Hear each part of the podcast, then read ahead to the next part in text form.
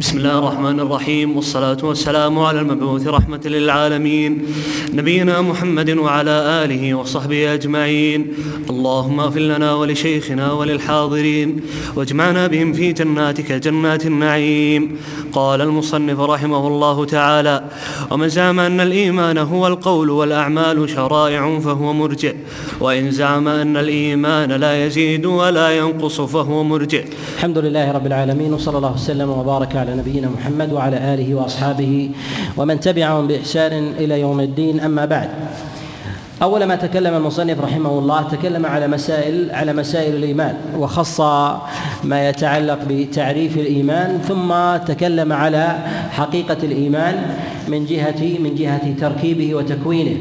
وذكر في ذلك القول والعمل والاعتقاد وتقدم معنا أيضا الكلام على ذلك والتدليل والتدليل عليه. ثم ذكر المصنف رحمه الله الفرق المخالفة في هذا الباب الفرق المخالفة في هذا في هذا الباب. والفرق المخالفة في هذا الباب أشهرها وأظهرها هي المرجئة وهم طوائف وهم طوائف في هذا الباب. منهم من يجعل الإيمان هو المعرفة القلبية ومنهم من يجعل ذلك اعتقاد القلب سواء كان ذلك هو القول أو كان ذلك هو عمل القلب. ومنهم من يجعل من يجعل الإيمان هو عمل القلب من يجعل الإيمان ومعرفة القلب وعمله وقول اللسان ويخرج العمل العمل من من الإيمان ويخرج العمل من من الإيمان. الطوائف هذه متباينة حتى في داخلها منهم من من يختلف حتى في تقرير في تقرير عمل القلب في تقرير عمل القلب. وكذلك أيضا بالنسبة لمن يخرج الإيمان من العمل من يخرج العمل من الإيمان أيضا يختلفون ويتباينون. منهم من يجعله شرط كمال ومنهم من لا يعتد بالعمل أصلا من لا يعتد بالعمل بالعمل أصلا. وهم أيضا وهم أيضا طوائف ومشارب. ذكر المصنف رحمه الله هنا في قوله من زعم أن الإيمان هو القول والأعمال شرائع فهو مرجئ. ما يتعلق بالإيمان تقدم معنا أن الذي يختل عنده الإيمان سيختل عنده عند الكفر وأن من اختل عنده تقرير الإيمان وحقيقته فإنه سيختل عنده تقرير الكفر وحقيقته. وهذا الاختلال متلازم هذا الاختلال الاختلال متلازم. ولهذا سميت المرجئة مرجئة باعتبار الأمرين باعتبار الأمرين ولهذا تجد أنهم لا لا يكفرون من كفره الله عز وجل ورسوله لا يكفرون من كفره الله ورسوله لاختلال الأصل الأصل عندهم. فيعرف المرجئ بتقرير الإيمان ويعرف أيضا بلوازمه فيما يتعلق فيما يتعلق بالكفر. والذين يقولون إن الإيمان هو الاعتقاد وقول اللسان ويخرجون ويخرجون العمل من الإيمان. الأصل هذا أنه قول مرجئة الكوفة. أنه قول مرجئه مرجئة الكوفة وهم أيضا على مراتب في هذا في هذا الباب.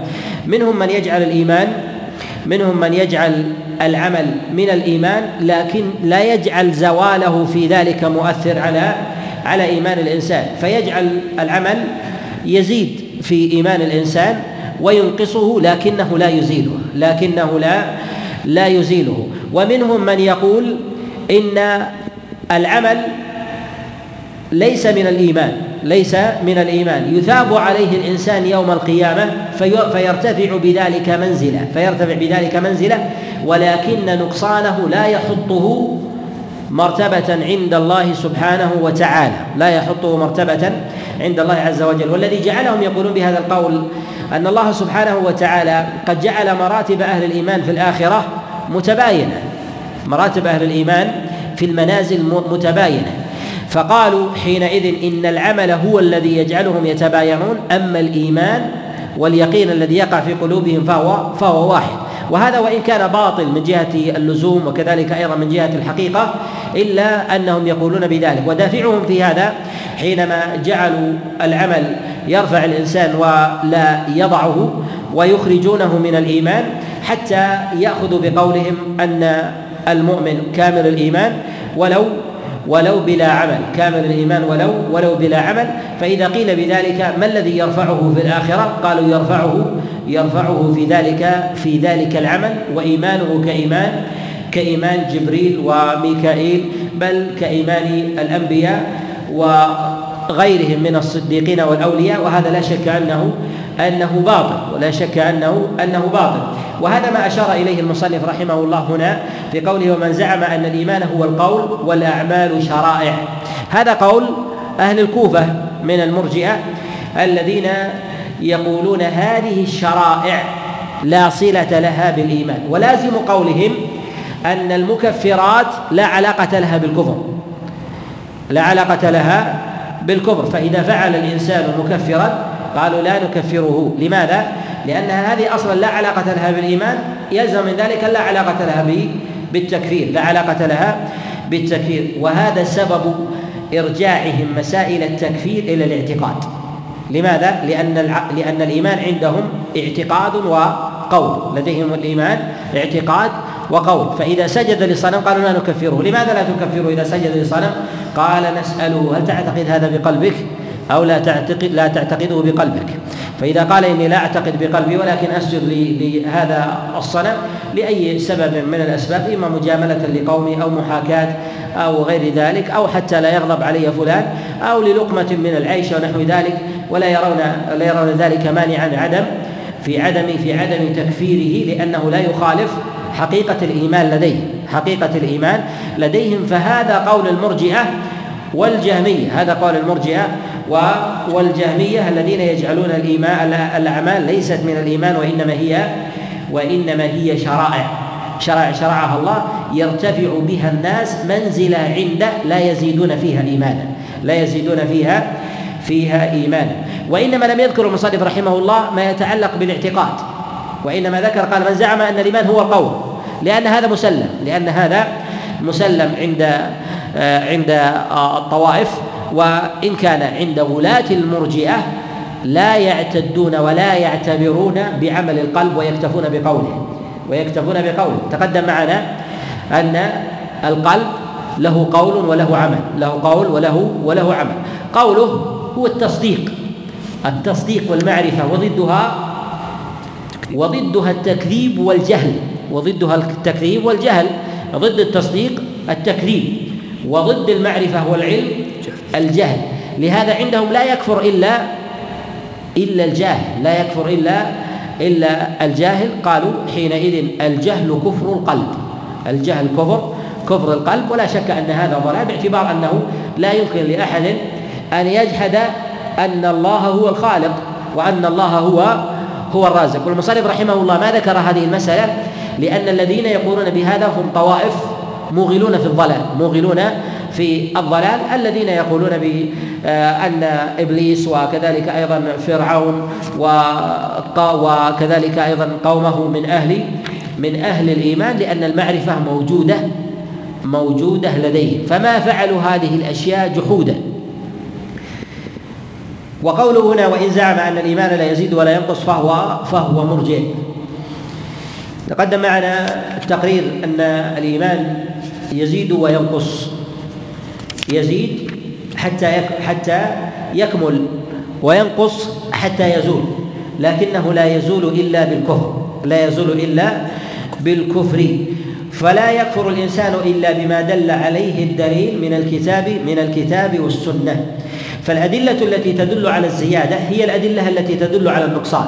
فكل دليل دل على الزيادة فإنه يدل بدلالة التضمين على النقصان وكل دليل دل على الضعف والنقصان فإنه يدل بدلالة التضمين على الزيادة. وهذا وهذا أمر مسلم من جهة الحقيقة وكذلك أيضا وكذلك أيضا من جهة من جهة الدليل. وقوله هنا الذي الذين يقولون إن الإيمان لا يزيد ولا ينقص فهو فهو مرجئ. فهو مرجئ. هذا الإطلاق صحيح من وجه صحيح من وجه.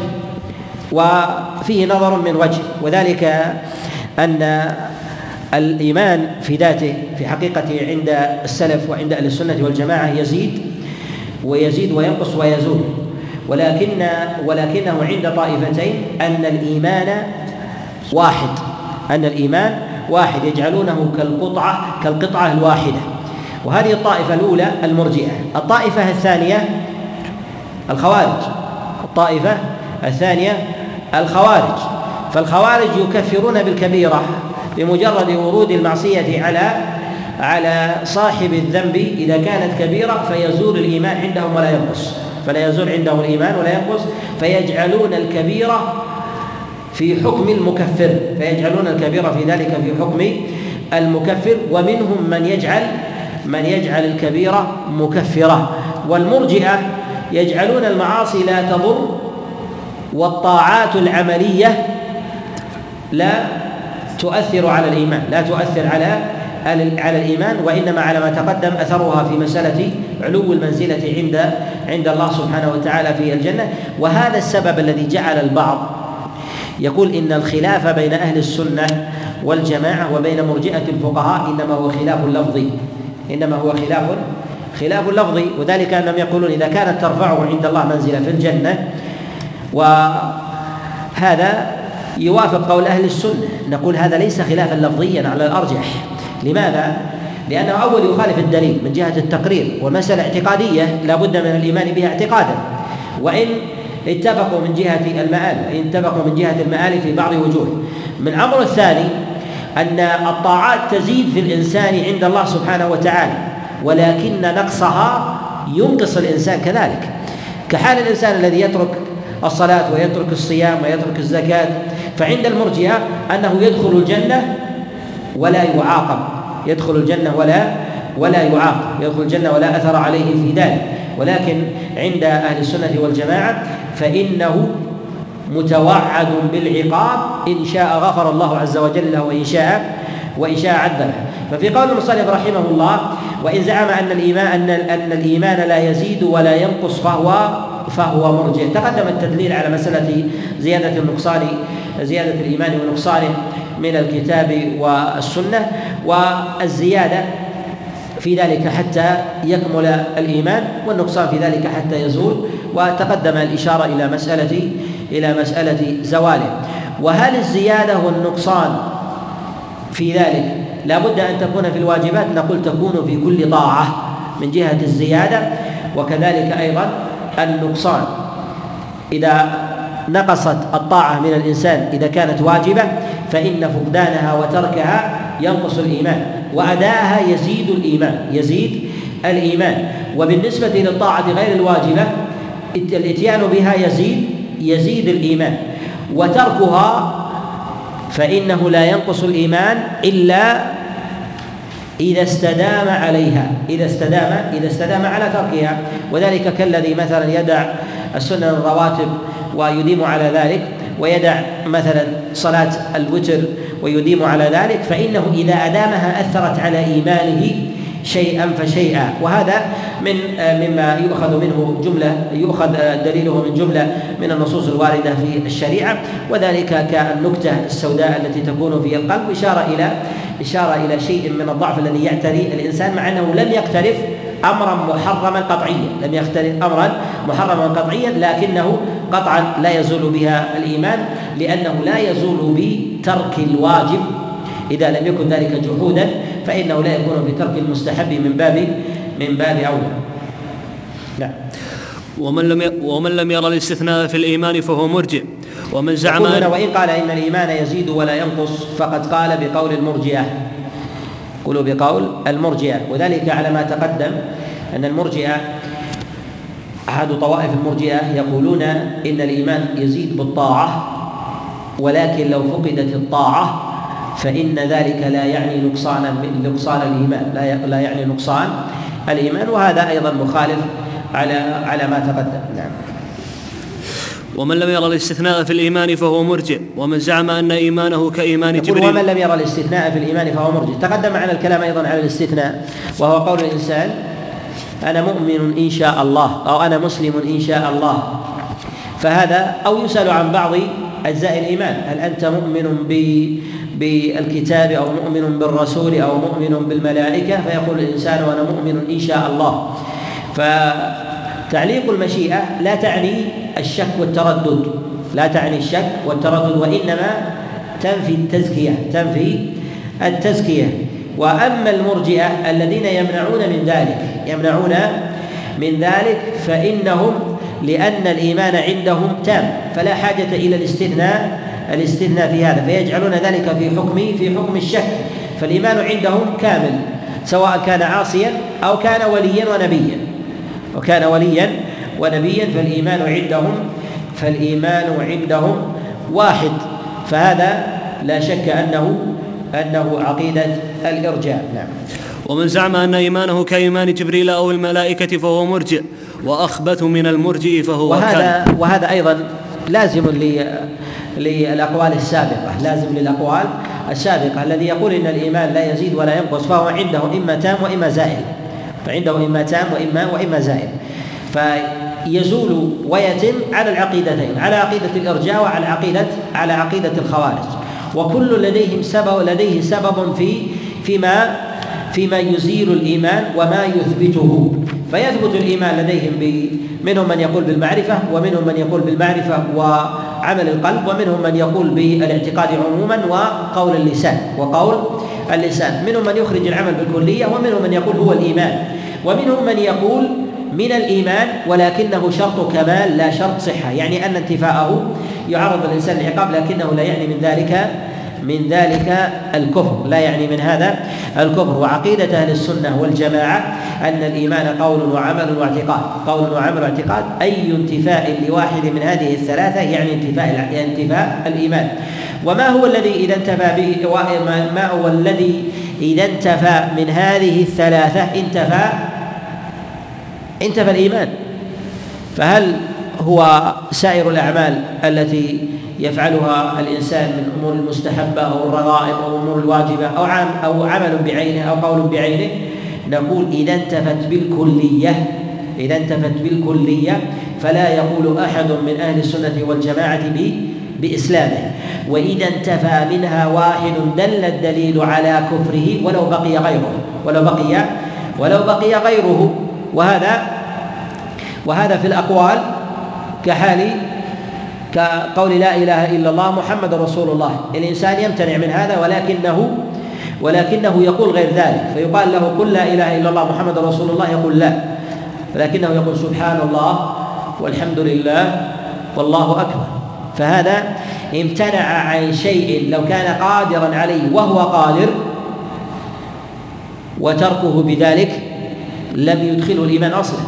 ولو دخل وامتنع بعد ذلك ودام امتناعه كان كان كافرا. كان كافرا بسبب امتناعه عن قول لا إله إلا الله محمد رسول الله إذا قام موجبها. إذا قام إذا قام موجبها.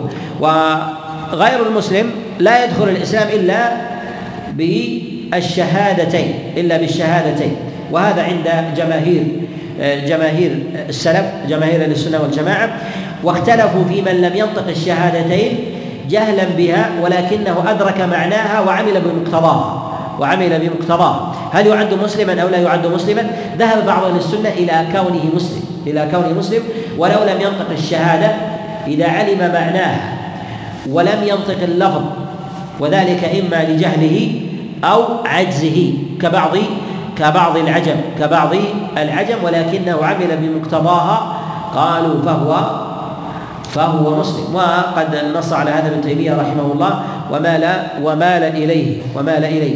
العمل الذي إذا انتفى من الإنسان فإنه لا يحكم بإيمانه. هو العمل الذي اختصت به شريعة شريعة محمد صلى الله عليه وسلم. معلوم أن الأنبياء لديهم شرائع لكل نبي شريعة كما قال الله عز وجل ولكل جعلنا منكم شرعة ومنهاج. فقد جعل الله عز وجل لكل نبي شرعة ومنهاج وهي فروع الشريعة. وأما الشرعة وأما شرعة محمد صلى الله عليه وسلم إذا انتفى إذا انتفى العمل من جوارح الإنسان بالكلية لم يكن مؤمنا ولو جاء بالأقوال وجاء بالإعتقاد ولو جاء بالإعتقاد. وعلى هذا نقول إن الأعمال التي التي يعملها الإنسان من أعمال البر على ثلاثة أنواع على ثلاثة أنواع. النوع الأول عمل بر اختصت به شريعة محمد صلى الله عليه وسلم. اختصت به شريعة محمد صلى الله عليه وسلم.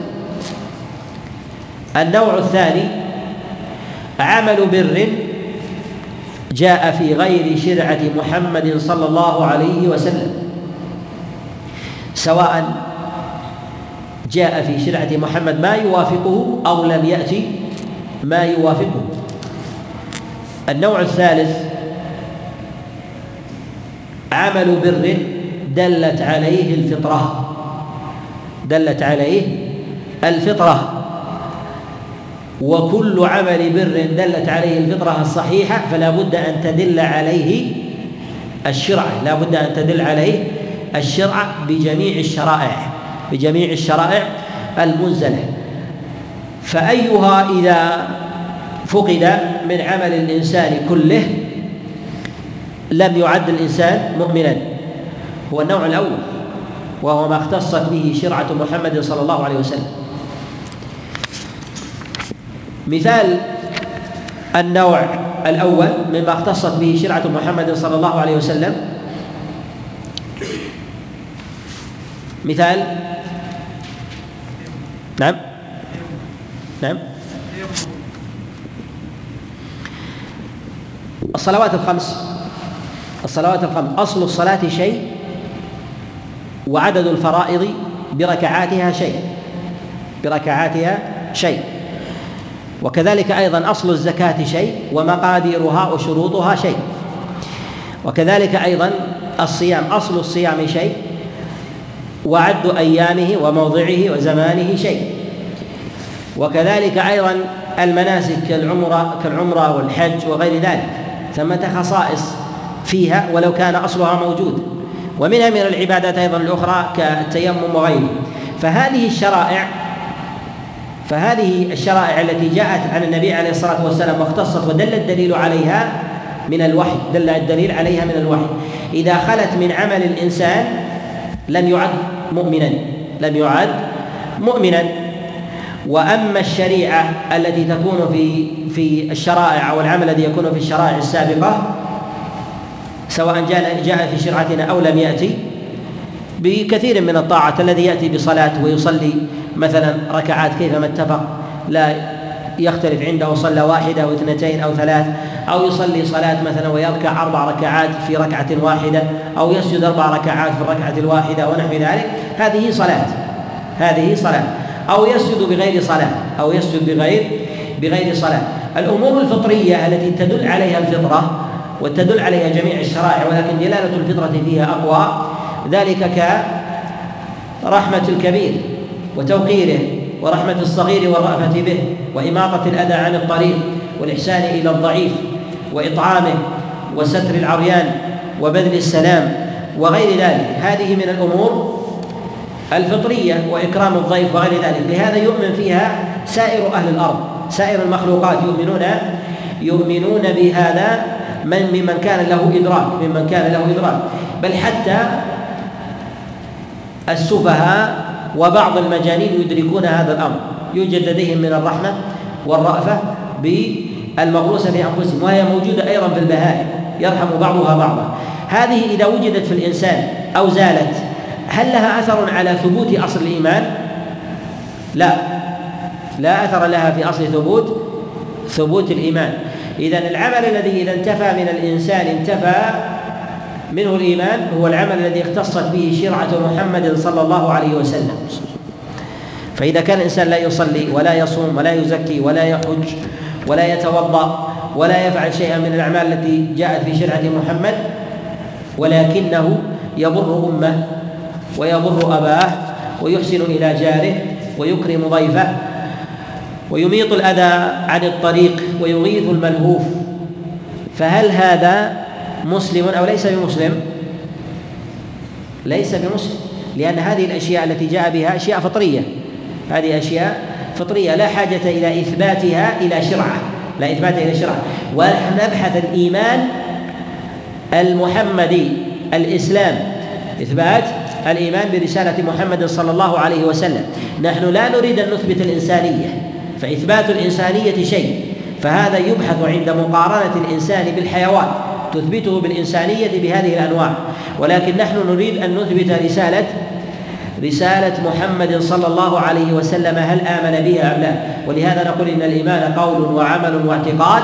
إذا انتفى واحد من هذه الثلاثة فقد انتفى عنه الإيمان. يعني انتفى العمل بالكلية انتفى القول بالكلية انتفى الاعتقاد بالكلية أو انتفى قول وعمل واعتقاد دل الدليل على أنه إن انتفى بعينه كفر ولو جاء بغيره. ولو جاء بغيره. كالذي يصلي ويصوم ويزكي ويحج ولكنه يسب ويستهزي بدين الله. يستهزي بدين الله. فنقول هذه الأشياء لا أثر لا أثر لوجودها بإثبات الإيمان لأنه قد جاء ناقض أزالها جاء ناقض أزالها. ولهذا نقول في قول المصنف رحمه الله ومن زعم أن إيمانه كإيمان جبريل أو الملائكة فهو مرجع وأخبر المرجع هذه لوازم لوازم الأقوال السابقة لأنه إذا قال إن الإيمان لا يزيد وينقص إما عنده كامل أو زائد في الكلية.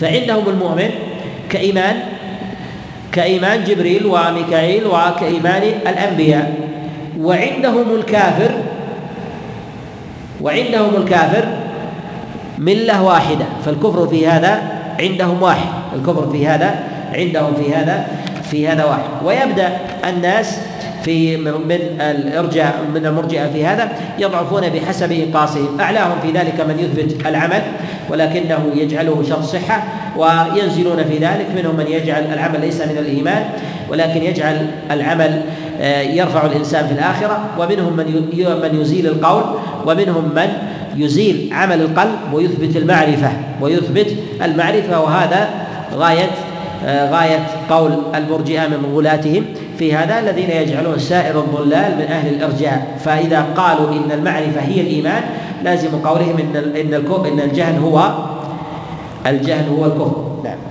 ومن زعم أن الناس لا يتفاضلون في الإيمان فقد كذب. ومن زعم أن المعرفة تنفع في القلب وإن لم يتكلم بها فهو مرجع أن النبي صلى الله عليه وسلم أثبت أن الصحابة عليهم رضوان الله تعالى يتفاضلون. بل إن الأنبياء يتفاضل فمنهم أولو العزم من الرسل والصحابة منهم السابقون الأولون من المهاجرين والأنصار ومنهم من جاء بعد ذلك ومنهم العشر المبشرون بالجنة ومنهم من جاء بعد بعد ذلك. وهم يتفاضلون فيما بينهم. ولهذا الله سبحانه وتعالى يقول فاصبر كما صبر أولو العزم أولو العزم من الرسل. وأولو العزم هم أفضل الأنبياء هم أفضل الأنبياء. والسابقون الأولون من المهاجرين والأنصار هم أفضل أفضل الصحابة عليهم رضوان الله تعالى. وهذا إذا كان في هؤلاء وهم وهم أكمل الخلق وهم أكمل الخلق من جهة الإيمان. كل الأنبياء ويتفاضلون ثم الصحابة ويتفاضلون وذلك أن أفضل الخلق بعد الأنبياء هم أصحاب رسول الله صلى الله عليه وسلم هم أفضل من سائر أصحاب كل نبي من كل نبي هذا بمجموعه وأفضل الناس بعد رسول الله صلى الله عليه وسلم في هذه الأمة أبو بكر.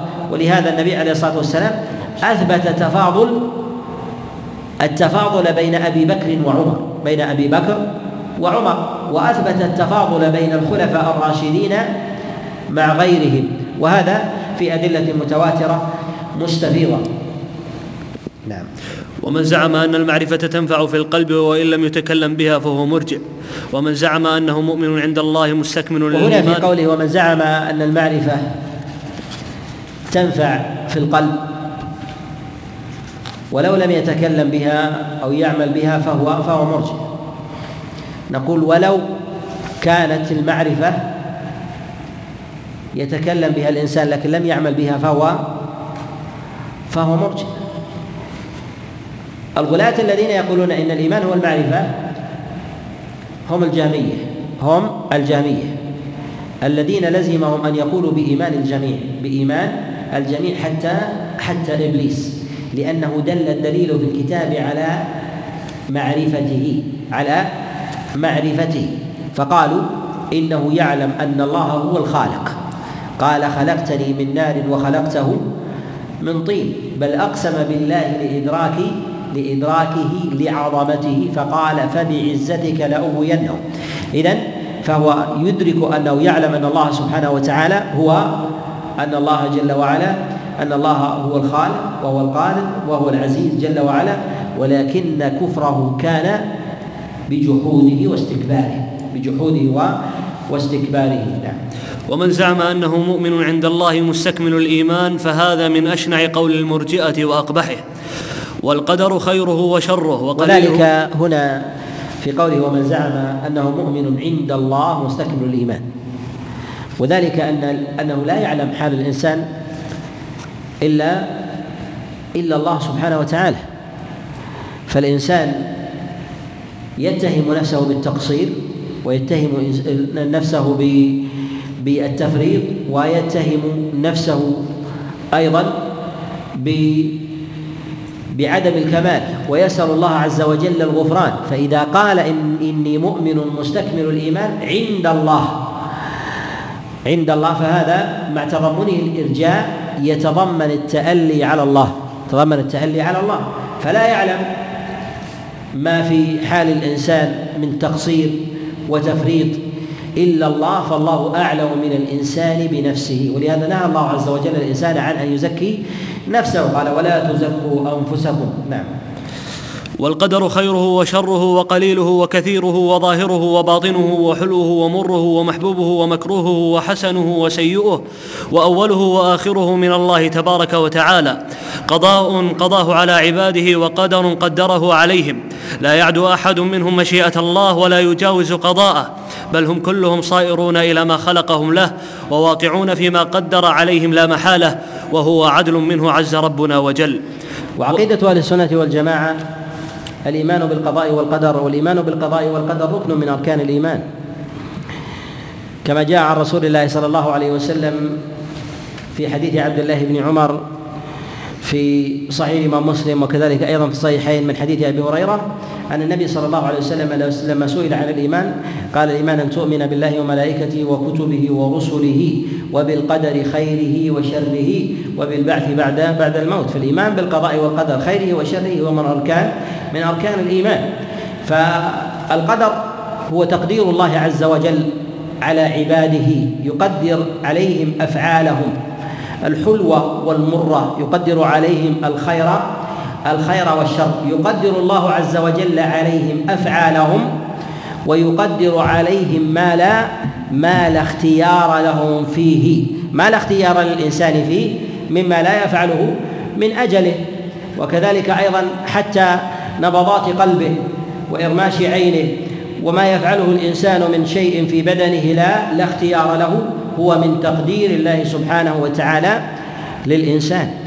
ولهذا يقول الله جل وعلا إنا كل شيء خلقناه بقدر فكل ما في في هذا الكون حتى ما في ذات الإنسان قدره الله سبحانه وتعالى على الإنسان قبل قبل أن يخلقه جل جل وعلا لهذا يقول الله سبحانه وتعالى قدرنا فنعم القادرون وكل شيء خلقناه بقدر.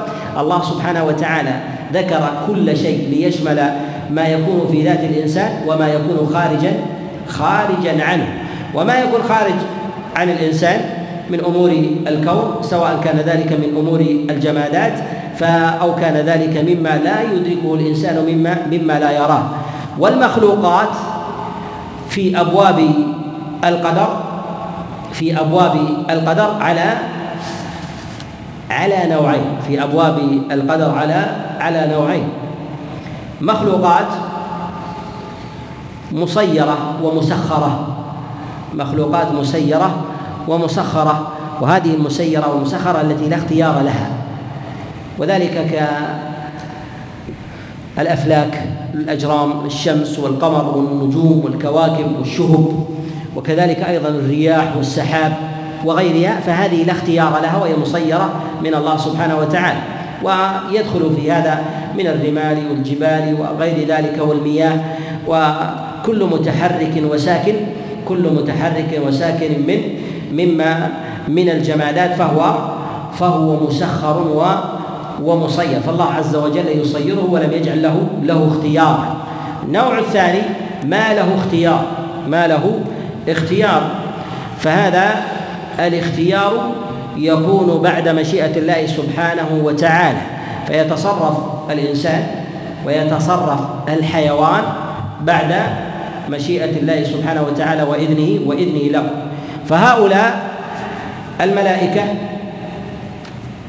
والإنسان والحيوان فهؤلاء لهم مشيئة لهم مشيئة. ولكن الحيوان جعل الله عز وجل له فطرة ولم يجعل له شرعة والإنسان جعل الله له فطرة وجعل له شرعة. جعل له فطرة وجعل له شرعة. يعرف بها يعرف بها بها الحق. والله سبحانه وتعالى جعل للملائكة فطرة وجعل لهم شرعة وما جعل فيهم مما يدفعهم على مخالفة شرع الله جل وعلا. وما يدفع الإنسان إلى مخالفة شرع الله ثلاثة. نفسه الأمارة بالسوء. نفسه الأمارة الأمارة بالسوء. وشيطان الجن وشيطان الإنس. وهؤلاء هم الذين يدفعون الإنسان إلى إلى ذلك يدفعون الإنسان إلى إلى ذلك. فالله سبحانه وتعالى جرد الملائكة من ذلك. جرد الملائكة من هذا من النفس الأمارة بالسوء. وكذلك أيضا من عدو من الشيطان وعدو أيضا من جنسهم وعدو أيضا من من جنسهم. فكانوا لا يعصون الله ما أمرهم ويفعلون ما يؤمرون. وجردهم الله سبحانه وتعالى أيضا مما من النزوات النفسية أو الغرائز. ولهذا لا يعصون الله عز وجل ما أمرهم ويفعلون ما يؤمرون. ولهم الاختيار ولهم الاختيار. فليسوا كحال من يصير ويسخر من الجبال من من الكواكب والرياح ونحو ذلك. ولهذا مدحهم الله سبحانه وتعالى ولا يمدح إلا من إلا من له اختيار أن يفعل وأن لا يفعل ففعل. وهذا في ظاهر قول الله سبحانه وتعالى لا يعصون الله ما أمرهم ويفعلون ما يؤمرون ولو اشتركوا مع غيرهم من الكواكب والنجوم والأفلاك وغير ذلك من الجمادات لما نفي أو حملوا بنفي العصيان في قوله لا يعصون الله ما ما أمر. والطوائف في أبواب القضاء والقدر هي على سبيل الإجمال ثلاث طوائف طرفان ووسط القدرية والجبرية وأهل السنة والجماعة. وأهل السنة والجماعة وسط بين بين الضلالتين القدرية الذين يقولون لا قدر وأن الأمر أنف. يعني أن الإنسان يستأنف فعله فهو الذي يفعل يفعل ويخلق فعله وأن الله عز وجل لا, لا لم يقدر له لم يقدر له عليه شيء. وأما الجبرية الذين يقولون إن الله يجبر الإنسان على فعل على فعل كل شيء. فأولئك ضلوا من وجه وهؤلاء ضلوا من وجه وكل طائفة هي شر من الأخرى. وضلال القدرية في هذا انهم حينما نفوا القدر استلزم لنفيهم القدر نفي العلم وذلك أن نفي العلم لازم لنفي القدر وإثبات العلم لازم لإثبات القدر. وذلك أننا نقول أنه لا يعلم دقائق الأشياء المستقبلية إلا من قدرها قبل ذلك قبل ذلك. فأعلم فأعلم شيء بكل الأشياء هو الذي أوجدها. هو الذي هو الذي اوجدها فإذا قالوا أن الله سبحانه وتعالى يعلم الأشياء المستقبلية اذا هو الذي قدرها. هو الذي هو الذي قدرها. وإذا قالوا إن الله لم يقدرها فيلزم من ذلك أنه لا يعلم. أنه لا لا يعلم. وذلك أنه إذا علم هو الذي قدر. ولهذا الإنسان ولله عز وجل المثل الأعلى الإنسان حينما ينظر مثلا إلى البناء كبناء هذا المسجد وما فيه مثلا من حديد وما فيه من تراب وما فيه من لبن وما فيه أيضا من مواضع الحديد فيه ونحو ذلك أعلم الناس به مهندسه أليس كذلك؟ أليس كذلك؟ فإذا قال إنسان إني أعلم في هذا حائط كذا وفي هذا الجدار كذا وفيه عدد اللبن كذا وارتفاعه كذا وبعده كذا وبعده كذا فكلما كان أبصر من غيره فيقال أنت الذي رسمته أنت الذي رسمته. ومن أثبت العلم التام له من غير أن يثبت أنه رسم ذلك فهذا ينافي فهذا ينافي ينافي رسمه لذلك أيضا وضبطه له. ولله عز وجل المثل الأعلى ولهذا الإمام الشافعي رحمه الله يقول في أمر القدرية يقول إذا نفوا القدر فخاصموهم بالعلم فإن أثبتوه فقد خصم فقد خصموا لتلازم هذا هذا بهذا ولهذا القدرية يفرون من نفي العلم وينفون القدر ويكابرون بعدم تلازم تلازم الأمرين بعدم تلازم الأمرين. وهذا الذي إثباتهم في ذلك دعاهم إلى هذا أمور الأمر الأول أنهم يريدون أن ينزهوا الله سبحانه وتعالى عن أن يعاقب على فعل يقدره على عبده فنفوا بالقدر والدافع الثاني هو دافع عقلي ودافع دافع عقلي. وذلك أنهم يريدون أن يثبتوا للإنسان للإنسان اختيارا من جهة عمله. وكذلك أيضا أن الله سبحانه وتعالى جعل أمرا سببيا في الكون ما يسمى بالحتمية السببية ما يسمى بالحتمية السببية التي تسير في هذا الكون وفق نظام كالمعادلات الرياضية كالمعادلات الرياضية. وهؤلاء الذين قالوا بهذا هم المعتزلة والطوائف الذين تأثروا بهذا فغلب عليهم النظر العقلي أكثر من النظر الديني. ولهذا نستطيع أن نقول إن نفاة القدر مدرستين. مدرسة دينية دفعها أو غلب عليها الورع فضلوا غلب عليهم الورع فضلوا وطائفة دنيوية غلب عليهم النظر العقلي.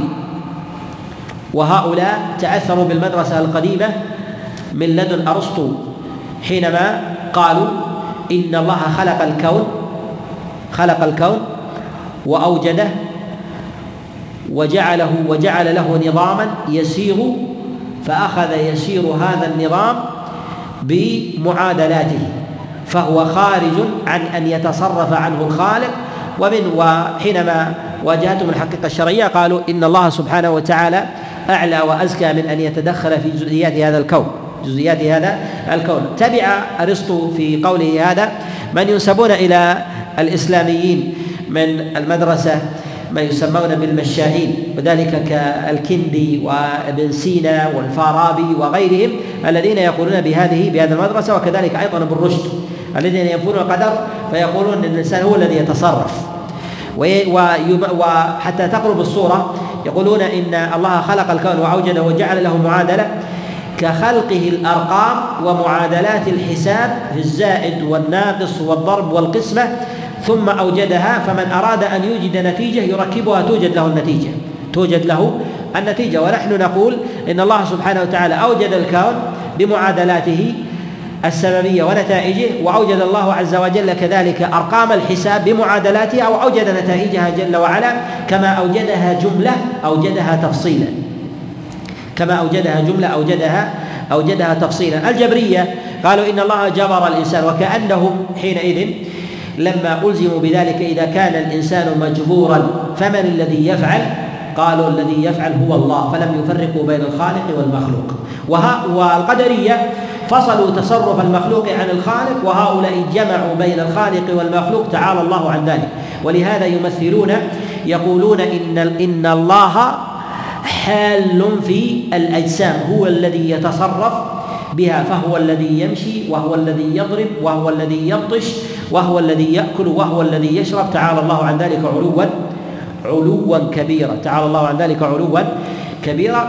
وأول من نفى القدر في الأمة هو الجعد بن درهم. الجعد ابن ابن درهم. بدأ بهذه بهذا القول الشنيع وتأثر به من تأثر. وكذلك أيضا هو أول من نفى الصفات في الأمة. أول من نفى الصفات في الأمة فنفى صفتين نفى صفتين نفى صفة الخلة أن الله اتخذ إبراهيم خليلا ونفى صفة الكلام أن الله كلم موسى تكليما أن الله كلم موسى تكليما وأخذ عنه هذه البدعة الجهم ابن صفوان وأخذ عن الجهم ابن صفوان بشر المريسي وأخذ عن الجهم وعن البشر المريسي أخذ عنه أحمد بن أبي دؤات الذي امتحن الإمام أحمد رحمه الله بسبب بهذه القالة وأصل هذه القالة التي قالوها أصلها عقيدة يهودية أصلها عقيدة عقيدة يهودية فإن أحمد بن أبي دواد أخذها من بشر وبشر أخذها من الجهم بن صفوان والجهم بن صفوان أخذها من الجعد بن درهم والجعد بن درهم أخذها من بيان بن سمعان وبيان بن سمعان أخذها من طالوت ابن أخت لبيد بن الأعصم الذي سحر النبي عليه الصلاة والسلام. وطالوت هو ابن أخت لبيد وزوج ابنته فهو أخذ بنت خاله لبيد بن الأعصم اليهودي واليهودي الذي سحر النبي عليه الصلاة والسلام أخذ هذا القول من يهودي باليمن. وأصبحت هذه البدعة في الأمة فأصبح يؤصل لها بعض المنتسبين لي بعض المنتسبين للإسلام بعض المنتسبين للإسلام. فأصبح الضلال في هذا متنوع في أبواب القدر وأخذ يتبناه طوائف فتبنته الرافضة في نفي القدر وتبنته طوائف من المعتزلة. وخرج ما يسمى ما يسمى بعقيدة الكسب. وعند عند الأشاعرة. الأشاعرة يقولون بأن الإنسان يكسب الشيء ولكن أن ينفون السببية أو قانون السببية الأصلي الذي يثبت من جهة من جهة العقل أصله. ونقول إن الله سبحانه وتعالى قدره جل وعلا. ولكنهم يجعلون أن هذه الأسباب في ذاتها لا أثر لها يقولون الإنسان يكسب. يريدون أن يخرجوا من قول من قول المعتزلة من أن الإنسان ينفرد ويفعل الأشياء منفردا عن عن الله سبحانه وتعالى. فالمعتزلة شابهوا المجوس شابهوا المجوس في هذا ولهذا جاء في بعض الأحاديث مجوس الأمة القدرية. جاء في ذلك جملة من الأحاديث كما جاء عند أبي داود من حديث عبد العزيز بن أبي حازم عن أبيه عن عبد الله بن عمر أن رسول الله صلى الله عليه وسلم قال القدرية مجوس أمتي. وجاء أيضا من حديث حذيفة بن اليمان حديث رجل من الأنصار عن حذيفة بن اليمان عند أبي داود. وجاء أيضا من حديث عائشة عليه رضوان الله تعالى من حديث الحسن البصري عن عائشة عليه رضوان الله أن المجوس هم قدرية في هذه الأمة. يعني أن المجوس كانوا يؤمنون بخالقين وهو النور الذي يخلق الخير والظلمة التي تخلق تخلق الشر فيؤمنون بخالقين. شابهوهم بهذه القاعدة القدرية. قالوا إذا أن الإنسان هو الذي هو الذي ينحت الحجر وهو الذي يفعل منفرد عن الله سبحانه وتعالى لا قدرة لله عز وجل عليه إذن هو الذي يخلق منفردا. فقالوا فجاء فأثبتوا خالقين. الذي يخلق أفعاله الإنسان هو الإنسان بنفسه. قالوا الله خلقه وتركه. الله خلقه وتركه. لا لم يقدر عليه شيء في هذا. فدفعهم في هذا على ما تقدم وازعين منهم وازع آه، ورع ضلال ومنهم المدرسة العقلية أما الجبرية الذين يقولون إن الله سبحانه وتعالى جبر الإنسان على على هذا وشيخهم في هذا أول من أخذ وأقر هذه العقيدة هو إبليس. حينما أمره الله سبحانه وتعالى بالسجود لآدم فلم يسجد وعلل امتناعه بذلك أن الله كتب عليه عليه ذلك. فأول من من أخذ بهذه بهذا الأمر هم الجبرية. دفعهم الضلال الجبرية حينما أصلوا هذه العقيدة دفعهم ذلك إلى لوازم من الضلال لهذه العقيدة. وكل عقيدة ضلال لا بد أن يتفرع عنها ويلزم منها ضلال حتى حتى يتسع وربما يصل إلى الخرافة. ولهذا الجبرية حينما قالوا إن الإنسان مجبور على هذه الأشياء إذا الذي يعبد الصنم من؟ الذي يعبد الصنم من؟ الذي يعبد الكوكب والشجر وهو كافر من؟ قالوا الذي يعبد الشجر والصنم هو الله والشجر والصنم هو الله فعندهم العابد هو الله والمعبود هو الله فتحيروا بين العابد والمعبود حتى حتى دخلوا في دائرة الوسوسة فقال بعضهم العبد رب والرب عبد يا ليت شعري من المكلف. فدخلوا في هذه الدائرة حتى دخلوا في أمر أنا أنت وأنت أنا فمن أنا؟ حتى إن بعضهم كان يقف على فجاءوا بعقيدة الاتحاد والحلول وأن الكون واحد إذا كان في كل واحد الخالق. فدخلوا في هذه المشاعر النفسية حتى إن أحدهم كان يقف على نهر فسقط صاحبه فتبعه وقال سقطت أنت فظننت أنك أنا. يعني أن دخلوا في هذه في هذه الدائرة من الهلوسة فظلوا في هذا في هذا الباب. فجعلوا من يعبد الأصنام يعبد حقا. قالوا هو الله والمعبود هو هو الله. فتأولوا نصوص القرآن وتأولوا نصوص أيضا الجنة. إذا النار لمن؟ تأولوا النار. تأولوا النار. وتأولوا أيضا النصوص الصريحة في هذا كقول الله عز وجل وقضى ربك ألا تعبدوا إلا إياه وبالوالدين وبالوالدين إحسانا. قالوا قضى يعني قدر. قضى يعني قدر. ويلزم من قولهم هذا أن الذي يضرب أمه وأباه بر أمه وأباه لأن الله قدر عليه كذلك. وقضى ربك ألا تعبدوا إلا إياه وبالوالدين وبالوالدين إحسانا. فإذا ضربت أمك أو أكرمتها عندهم ذلك سواء لأن الله قدر عليك هذا هذا الشيء. نعم. والزنا والسرقة وشرب الخمر وقتل النفس وأكل مال الحرام والشرك بالله والذنوب والمعاصي كلها بقضاء وقدر من الله من غير أن يكون لأحد من الخلق على الله حجة. بل لله الحجة البالغة على خلقه. لا يسأل عما يفعل وهم يسألون. وهنا في قوله والزنا والسرقة وشرب الخمر وقتل النفس وأكل مال الحرام والشرك بالله والذنوب كلها بقدر الله وقدر منه. وهنا في ذكر المصنف رحمه الله لهذه آه، أمور لأمور الشر هذه من الخمر وكذلك أيضا الزنا والسرقة وغيرها وغيرها من من الأمور المحرمة. إنما ذكرها لأن بعض من ينفي القدر يريد أن ينزه الله سبحانه وتعالى أن ينزه الله جل وعلا عن أن يقدر على عبده أن يقدر على عبده امرا محرما ثم يعاقبه عليه. وعقيدة أهل السنة أن الله عز وجل قد جعل لي للعبد اختيار وما تشاءون إلا أن يشاء الله. فالله عز وجل قد جعل للعبد مشيئة ولكنها بعد مشيئة بعد مشيئة الله سبحانه وتعالى. فله اختيار يعاقب يعاقب عليه يعاقب عليه. فذكر هذه الأمور من أمور الشر وحتى يبين ان أنه حينما يثبت أهل السنة الإيمان بالقضاء والقدر فإنهم يستحضرون أفعال الشر من الإنسان أفعال الشر من الإنسان. فيكون حينئذ فعل الخير من توفيق الله سبحانه وتعالى لعبده وفعل الشر من من الابتلاء والحرمان من الابتلاء والحرمان الذي يكون سببه الإنسان سببه الإنسان وتقصيره في جنب الله سبحانه وتعالى. ولكن أفعال ولكن أقدار الشر ونتائجها تنسب إلى الله عز وجل على سبيل الإجمال فيقال إن الله خلق الخير والشر. إن الله خلق الخير والشر ومنه كل كل شيء تنسب على له على سبيل على سبيل الإجمال. وكذلك أيضا عند ورود من ينفيها تنسب إلى الله سبحانه وتعالى تقريرا لعقيده لعقيدة صحيحة كالذي يقول إن هذا الفعل ليس من تقدير الله بل يقال بل من تقدير الله بل من تقدير الله ليثبت ليثبت حق الله سبحانه وتعالى في تقديره وكذلك في تصرفه وتصريفه لامر لأمر الكون. ونسبة الشر منفردا ليس من الأدب مع الله. ليس من الأدب ليس من الأدب مع الله. ولهذا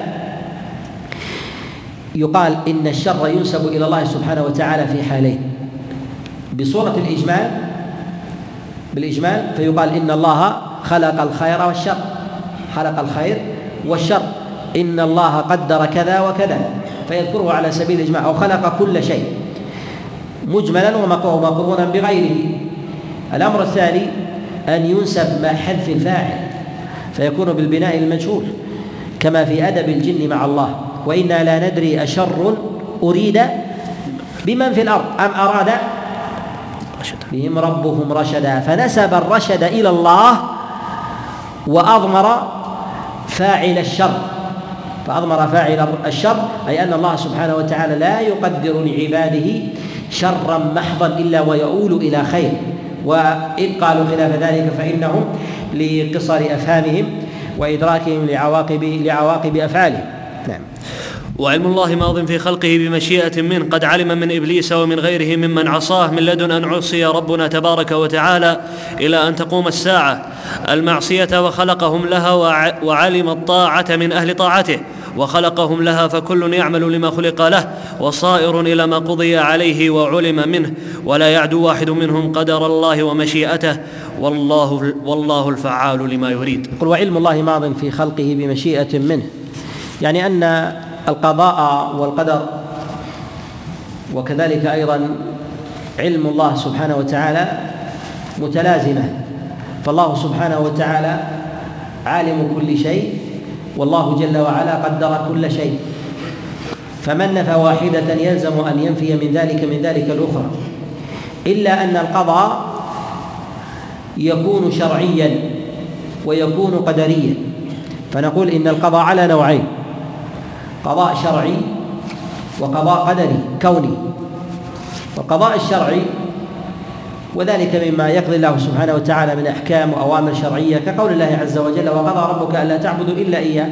جاء عبد الله بن مسعود وغيره قال وصى. وروي أيضا أمر. يعني أمر الله سبحانه وتعالى بعبادته ووحده وأمر الله عز وجل ببر الوالدين والإحسان والإحسان إليه. والقضاء الكوني. قضاء الكوني. وهو هنا بمعنى التقدير. وهو بمعنى التقدير وبمعنى القدر. وبمعنى القدر. فتقدير الله عن علمه وقضاؤه عن علمه سواء كان شرعيا أو كان أو كان قدريا أو كان قدريا.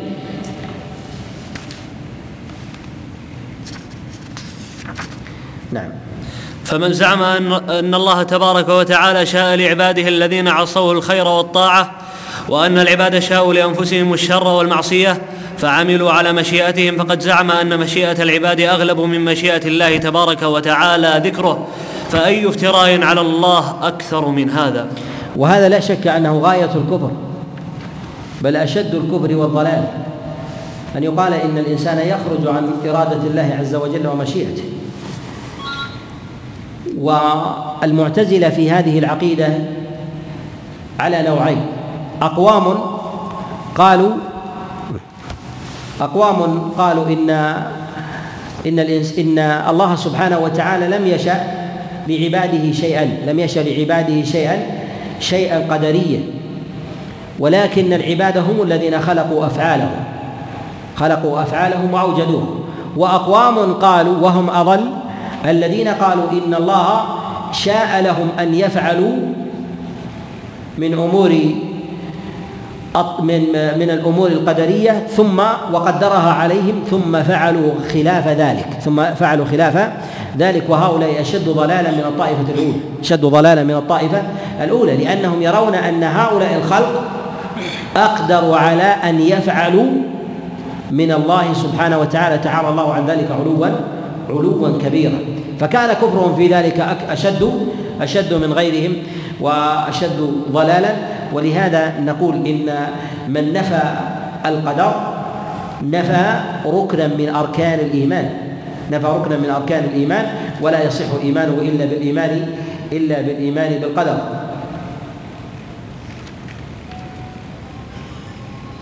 يقول هنا ومن زعم أن احدا من الخلق صائر إلى غير ما خلق له فقد نفى قدرة الله على من خلق وهذا إفك على الله وكذب وكذب عليه. وذلك لجحد ما استقر وما استفاض وما تواتر على ما تقدم من نصوص الوحي من الكتاب من الكتاب والسنة. وقد جاء في حديث عبد الله بن عمر في صحيح الإمام مسلم أنه قال لما جاءه من سأله عن القدر لما أظهر الجعد القول بنفي القدر وقال أخبرهم أني بريء منهم وأنهم براء مني والذي نفسي بيدي بيده لا يؤمن أحد منهم إلا حتى يؤمن حتى يؤمن بالقدر. ثم ذكر سؤال جبريل لرسول الله صلى الله عليه وسلم ما الإيمان؟ قال الإيمان أن تؤمن بالله وملائكته وكتبه ورسله وبالقدر خيره وشره وبالبعث بعد بعد الموت وبالبعث بعد الموت. فكان ذلك إيمانا إيمانا إيمانا حقيقيا وهو الإيمان الذي جاء به رسول الله صلى الله عليه وسلم لا الإيمان الذي ظلت به المرجئة وظلت به الخوارج وظلت به المعتزلة ومن تبعهم على هذا التأصيل ومن زعم أن الزنا ليس بقدر قيل له أرأيت هذه المرأة التي حمل حملت من الزنا وجاءت بولد هل شاء الله أن يخلق, أن يخلق هذا الولد وهل مضى, وهل مضى هذا في سابق علمه فإن قال لا فقد زعم أن مع الله خالقا وهذا قول يضارع الشرك بل هو الشرك ومن زعم أن السرقة لهذا شابه شابه المجوس على ما تقدم أنهم يؤمنون بخالقين. فالإنسان يخلق فعله والله خلق الإنسان. فالإنسان هو المخلوق والإنسان خالق. والله خالق الإنسان والإنسان يخلق فعله. تعالى الله عز وجل عن ذلك. نعم. ومن زعم أن السرقة وشرب الخمر وأكل المال الحرام ليس بقضاء وقدر من الله فقد زعم أن هذا الإنسان قادر على أن يأكل رزق غيره. وهذا القول يضارع قول المجوسية والنصرانية بل بل أكل, بل أكل رزقه وقضى وقضى الله له أن يأكله من الوجه الذي أكله. ومن زعم أن قتل النفس ليس بقدر من الله فقد زعم أن المقتول مات بغير أجله. فأي كفر بالله أوضح من هذا؟ بل ذلك كله بقضاء من الله وقدره.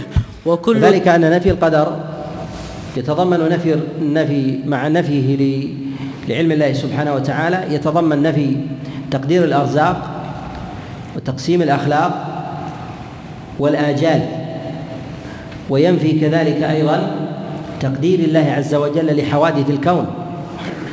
فإن الإنسان إذا كان يتصرف فيها فليس لله سبحانه وتعالى في هذا التصرف فالغلبة في هذا الأمر للإنسان. وهذا يشابه عقيدة الملاحدة الأوائل وذلك أرسطو وإفلاطون وسقراط وغيرهم الذين يقولون بأن الخالق لا يتصرف في الكون أن الخالق لا يتصرف في الكون وإنما الكون يتصرف بنفسه وفق السنن التي التي وضع فيها التي وضع فيها ما يسمون ما يسمونه بالسببية. فيقولون إنما يسيرون على قانون على قانون السببية. وهذا لا شك أنه أنه ضلال ينفيه العقل الصحيح. والدليل كذلك أيضا الصريح من الكتاب والسنة. نعم.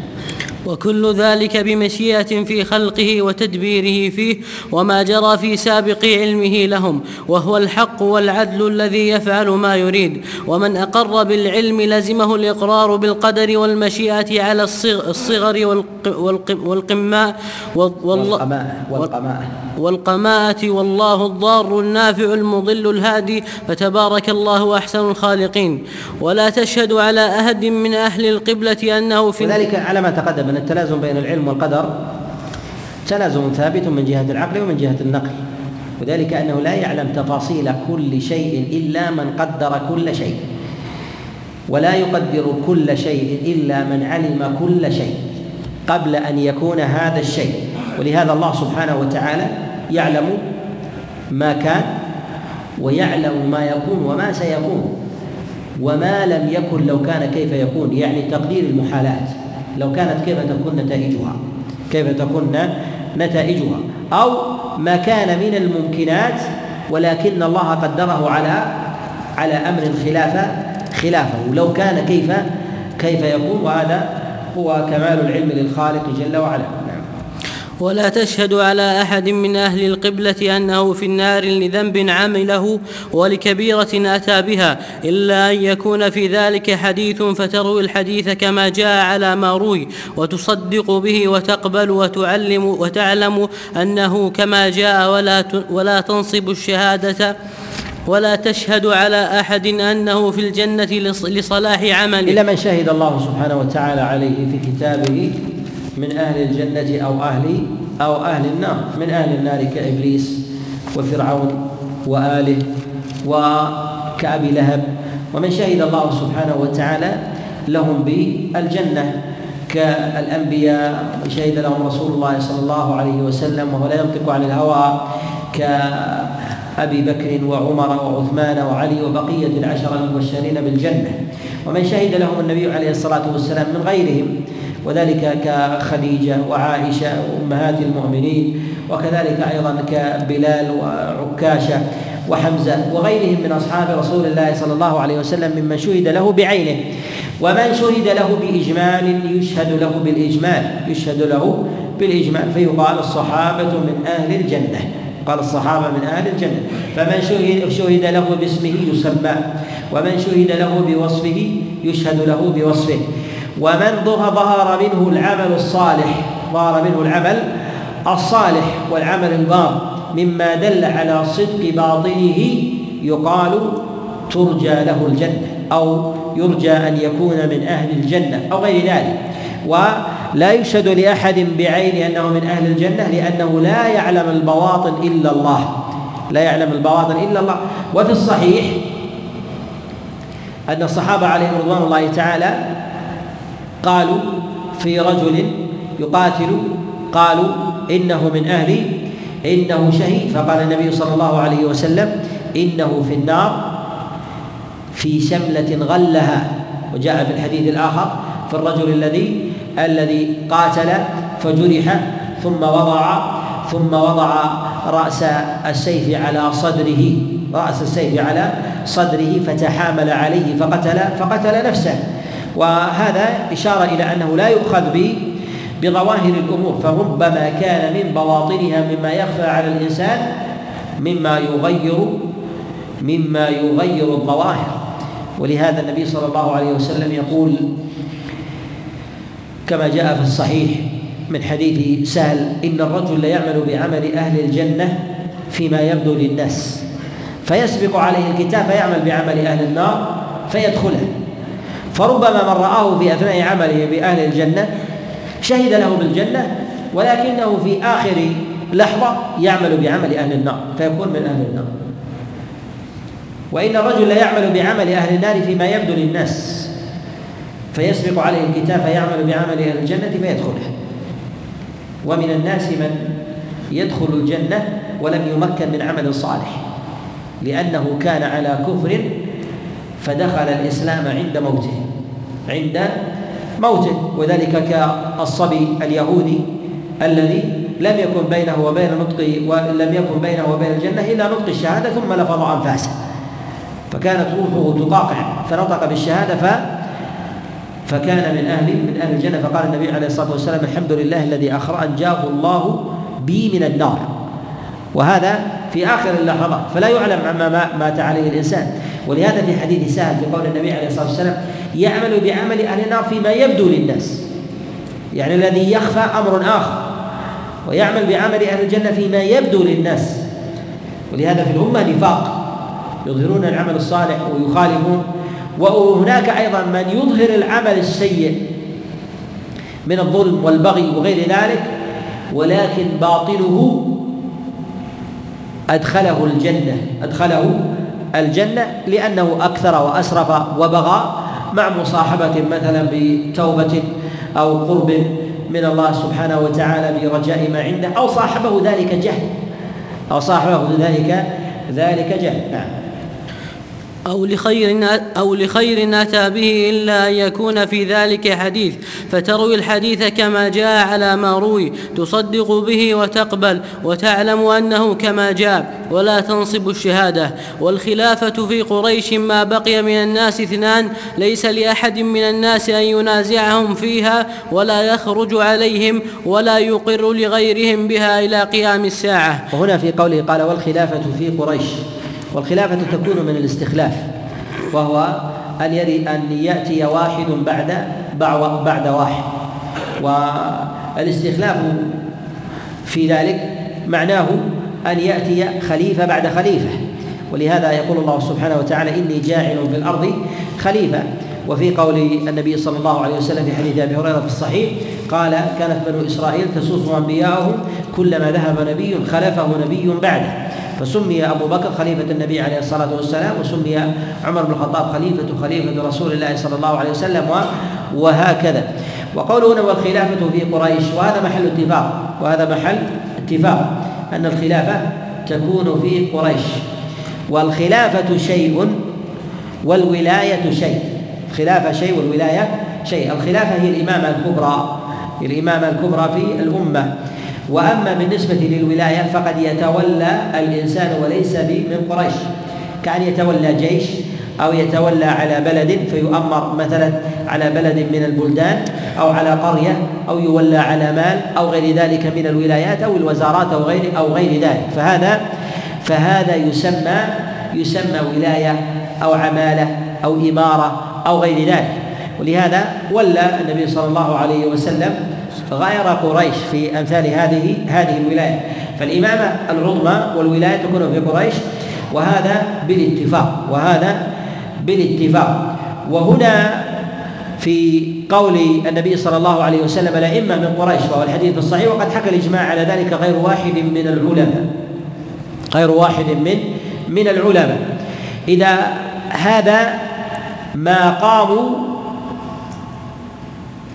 بدين الله. ولهذا جاء في حديث معاوية قال ما أقاموا ما أقاموا شرع الله. يعني ما أقاموا دين الله سبحانه وتعالى وإلا فإقامة دين الله أولى من إقامة قريش. أولى من إقامة من إقامة قريش. لأن الله سبحانه وتعالى إنما فضل قريش قريشا بالرسالة. وما فضل الرسالة بقريش. ما فضل الرسالة بقريش. فإذا حفظوها كان فيهم وإذا ضيعوها كانت في كانت في غيره وإذا كان ثمة وال بويع وليس من قريش أو كان قرشي وغير قرشي. كان قرشي وغير وغير قرشي. فاجتمع الناس على غير القرشي. اجتمع الناس على غير على غير القرشي. هل يقال بأن القرشي أولى بذلك ولو لم يبايع؟ أم لغير القرشي مع البيعة؟ فأيهما أعظم القرشية القرشية أم أم الشورى والبيعة؟ الشورى والبيعة؟ الشورى والبيعة أعظم وآكل. وإن اجتمعت الشورى والبيعة والقرشية تقدم على على غيرها بالاتفاق تقدم على غيرها بالاتفاق. وإذا تولى أحد على ولاية وتغلب فهذا كما جاء في حديث أم الحصين في صحيح الإمام مسلم أن النبي صلى الله عليه وسلم قال قال اسمعوا وأطيعوا وإن تأمر عليكم عبد حبشي ما أقام فيكم ما قام فيكم بشرع الله. ما قام فيكم بشرع بشرع الله. ولهذا نقول إن المتغلب على نوعين. النوع الأول متغلب أثرة بالملك لنفسه مع إقامة شرع الله. فهذا المتغلب الذي يسمع له ويطاع. يعني أراد أن يكون الملك بيده أن يكون الملك بيده لحظ نفسه.